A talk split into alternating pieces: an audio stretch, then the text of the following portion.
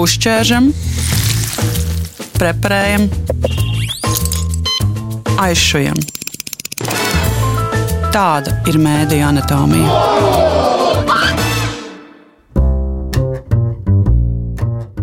Jau vairāk nekā septiņas nedēļas tuvajos austrumos turpinās Izraels un Hamas karš.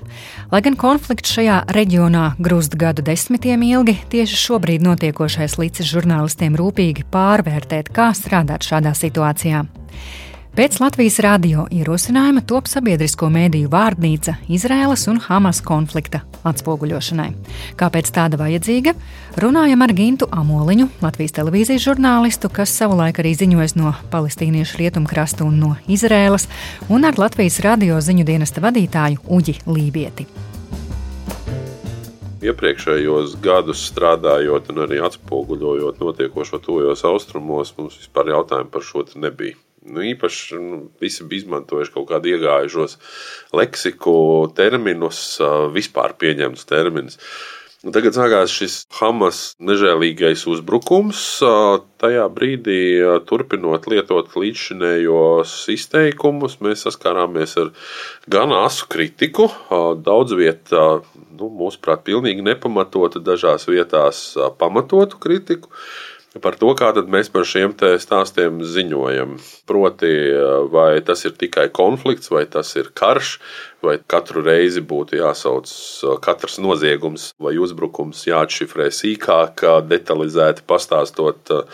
Kāda vardarbības forma vai nežēlastības forma ir izmantota. Un tad mēs, otra lieta, ko mēs sapratām, ka pat tiem cilvēkiem, kas ir gadiem sekojuši šiem notikumiem, radās baisais apjukums, jo tas viss process, konflikts ir tik sens, tik sarežģīts un daudzpusīgs, ka mums pašiem ir pirmkārt jātiek skaidrībā, un mums ir arī jādod kolēģiem, ziņu redaktoriem, ārzemju ziņu korespondentiem, ir jādod nu, kaut kādas vadlīnijas, lai mēs varētu pieturēties pie vienāda veida aprakstiem. Uh, tāpēc mēs arī rosinājām gan LSM kolēģus, gan arī Latvijas televīzijas kolēģus arī uh, piebiedroties šajā te, un tad, uh, nu, lai sabiedriskajiem mēdījiem būtu tas kopējais vārdu krājums, varbūt, vai terminoloģijas maza bāzīte vai maza vārnīciņa, ko izmantot.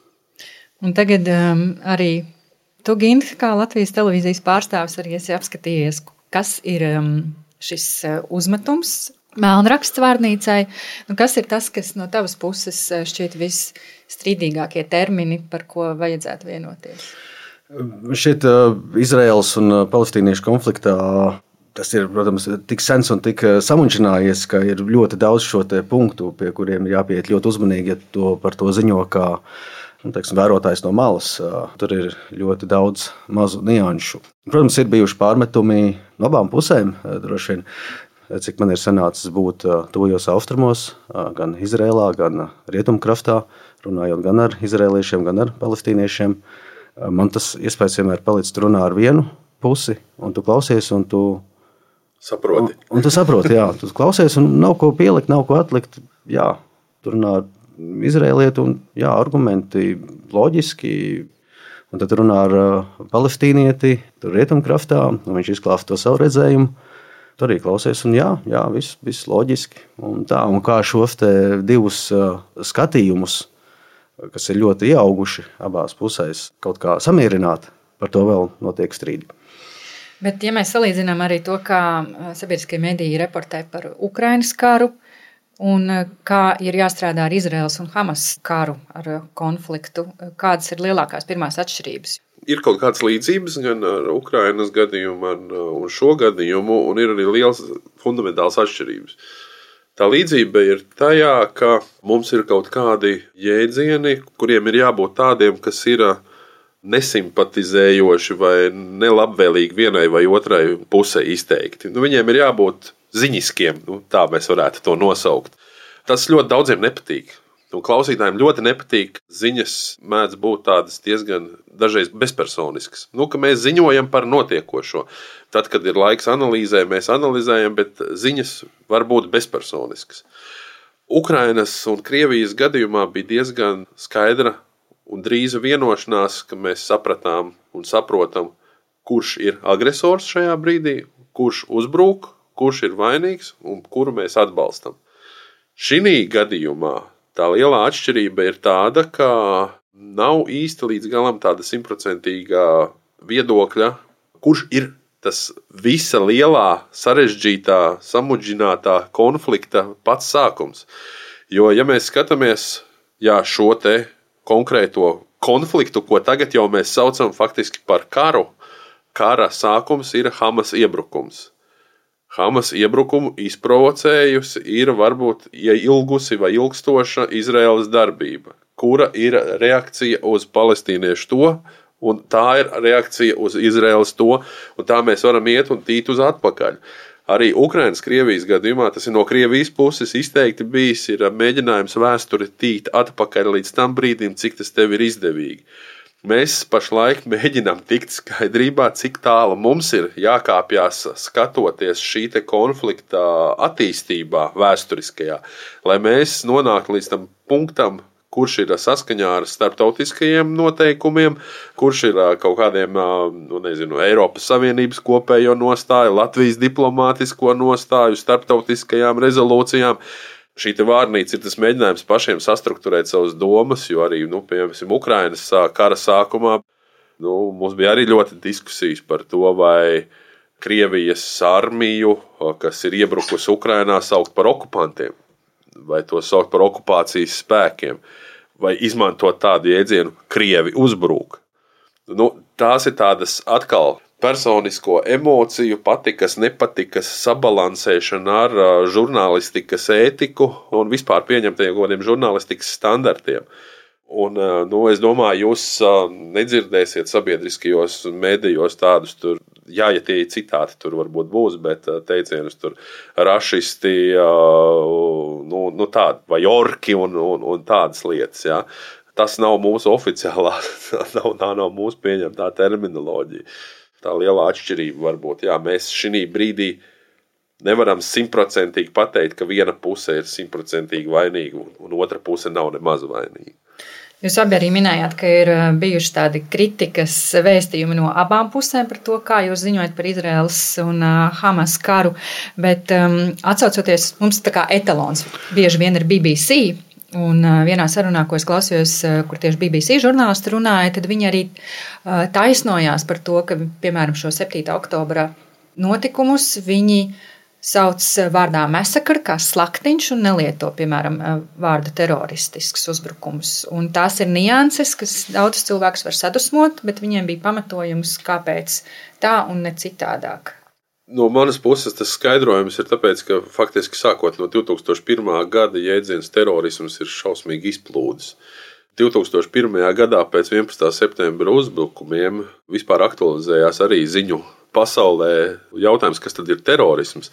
Jo vecā terminoloģija par to, ka terorisms ir uzbrukums ar mērķi nodarīt pēc iespējas lielāku bojājumu, cilvēciskos upurus un tam līdzīgi, viņš vairs īsti likās par šauru. Jā, par uh, šo BBC gadījumu, un uh, viņiem arī nācās taisnoties par to. Es saprotu, tur bija kritika arī no uh, politiķu puses Lielbritānijā.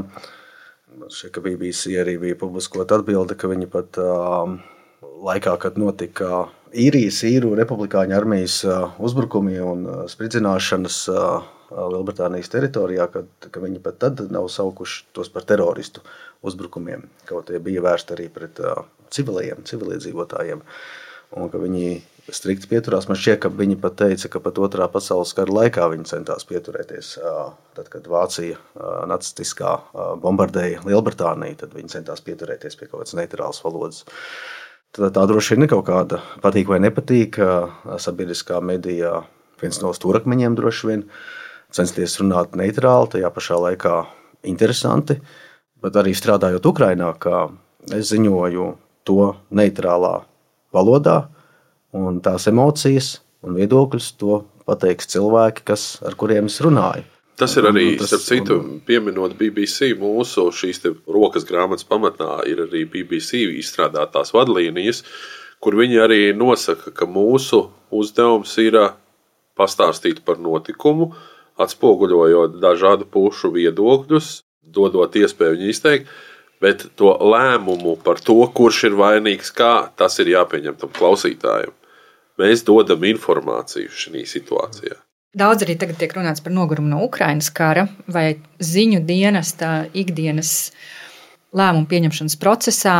Tas arī parādās, ka ir jāizvērtē to, kurā brīdī, kas ir prioritāte, cik daudz par vienu konfliktu ziņot, cik daudz par otru, kurš ir pirmais, kurā brīdī. Mums arī par šo ir bijušas diskusijas, un pateikšu uzreiz atklāti, ka mums ir arī starp struktūra vienībām ir atšķirīgi viedokļi bijuši par šo. Proti, nu, tagad mums vienlaikus notiek divi kari, vai tā ir pirmā, pirmā otrā ziņa? Vienmēr. Es uzskatu, ka nē. Tā nav pirmā, otrā ziņa visu laiku. Es domāju, arī Latvijas un tuvākās apkārtnes un sociāli politiskie notikumi ir arī pirmās ziņas vērti pilnīgi noteikti tas, ka ja tiešām kaut kas ir notiek, jau kaut kāda nezinu, eskalācija vai, vai nopietni pavērsieni par to, tad tajā brīdī var šī ziņa aiziet uz pirmās ziņas statusu, bet mākslīgi uzturēt uh, viņu kā pirmo ziņu, es domāju, ka tas uh, nav īsti nepieciešams. Ja, pirmā ziņa droši vien tad, kad ir tā ir pirmā ziņa. Tieši tā ir tā, kā ir ar Krievijas karu Ukrajinā. Karš turpinās, pilnapmēra iebrukums konkrēti turpinās jau, nu, cik jau 20 mēneši apmēram. Un tāpat kā ar uh, iepriekšējiem kariem, mums tālākajiem, kā Sīrijā, tas bija tas pats apmēram posms, pusotras, divi gadi, kad starptautiskā sabiedrības uzmanība pazuda no uh, šī kara. Karš turpinājās tikpat asiņains, bet nebija jau nekādas pārmaiņas kaut kur, kaut kādas kustības, kas ir nepieciešams, lai būtu ziņa. Protams, cilvēki. Es neteikšu, ka ir noguruši. Es domāju, ka nē, vairāk ir pieraduši pie tā. Izraels un Hamas karš, kas nu, arī tāpat kā iepriekšējās epizodes starp Izraēlu un Hamas konfliktiem, kas šī nav pirmā, bet šī ir brutālākā līdz šim droši vien. Tas turpināsies, domāju, kādā brīdī pierims, un tad jau, protams, jautājums ir, nu, vai tas kaut ko ilgtermiņā mainīs. Tagad Ilza Nagla bija prezidenta vizītes iegānsta dēļ, es pieņemu kontekstā, jā. kontekstā Izrēlā, bet vai jums ir sarunas Latvijas rādio, Latvijas televīzijas ziņdienestā par to, ka kādam vajadzētu ziņot no Izrēlas vai mēģināt, es nezinu, kā tas ir iespējams. Tā kā sakasīs naudu, tad sūtīs projām. Um. Gada beigas. Nu, es, es, es pasaku atklāti, jā, ir gada beigas, gaidīsim gada sākumu. Cilvēks braukt ir gatavs. Mm. Nu, kā... Tas, protams, vienmēr tiek runāts, vienmēr tiek paturēts prātā. Kad es vēl biju Latvijas radio, pirms dažiem gadiem es arī aizbraucu uz Izraēlu, Rietumkrastu, uz tuvajiem austrumiem. Tajā kontekstā, kad uh, tolaik ASV prezidents Donalds Trumps pārcēla Amerikas vēstniecību no Telavivas uz Jeruzalemi un oficiāli atzina Jeruzalemi par uh, Izraels galvaspilsētu. Tas, protams, ir strīdīgs jautājums starptautisko tiesību kontekstā. Nu, tad es toreiz devos un uh, ziņoju par to. Bijām Izrēlā, bijām Rietumkrastā. Un, protams, tur ir nianses, kā strādāt, kā strādāt Izrēlā, kā strādāt Rietumkrastā. Tas ir valodas jautājumi, tie ir kultūras jautājumi. Un pie Gazas joslas aizbraucām toreiz arī. Un, toreiz jau arī droši vien bija kādam jautājumam, vai to vajag vai to nevajag. Bet nu, man šķiet, ka tas bija piemērots brīdis lai aizbrauktu un par to ziņot, lai apstāstītu, nu, kas tur notiek tajā reģionā, ko tur cilvēki domā, ko viena domā, ko otra domā un kas un kā tur notiek. Par to, kā sabiedrisko mediju ziņu dienesti atspoguļo Izraels un Hamas karu, kā arī par sabiedrisko mediju topošo vārnīcu, kā gidu tam, kā stāstīt par to, runāju ar Latvijas radio ziņu dienesta vadītāju Uģi Lībieti un Latvijas televīzijas ārzemju ziņu žurnālistu Gintu Amoliņu. Mediju anatomiju veidoja Zane Ozoliņa un Reinis Budze. Uzķēršam, preparējam aizšujam. Tāda ir mēdīņa anatomija.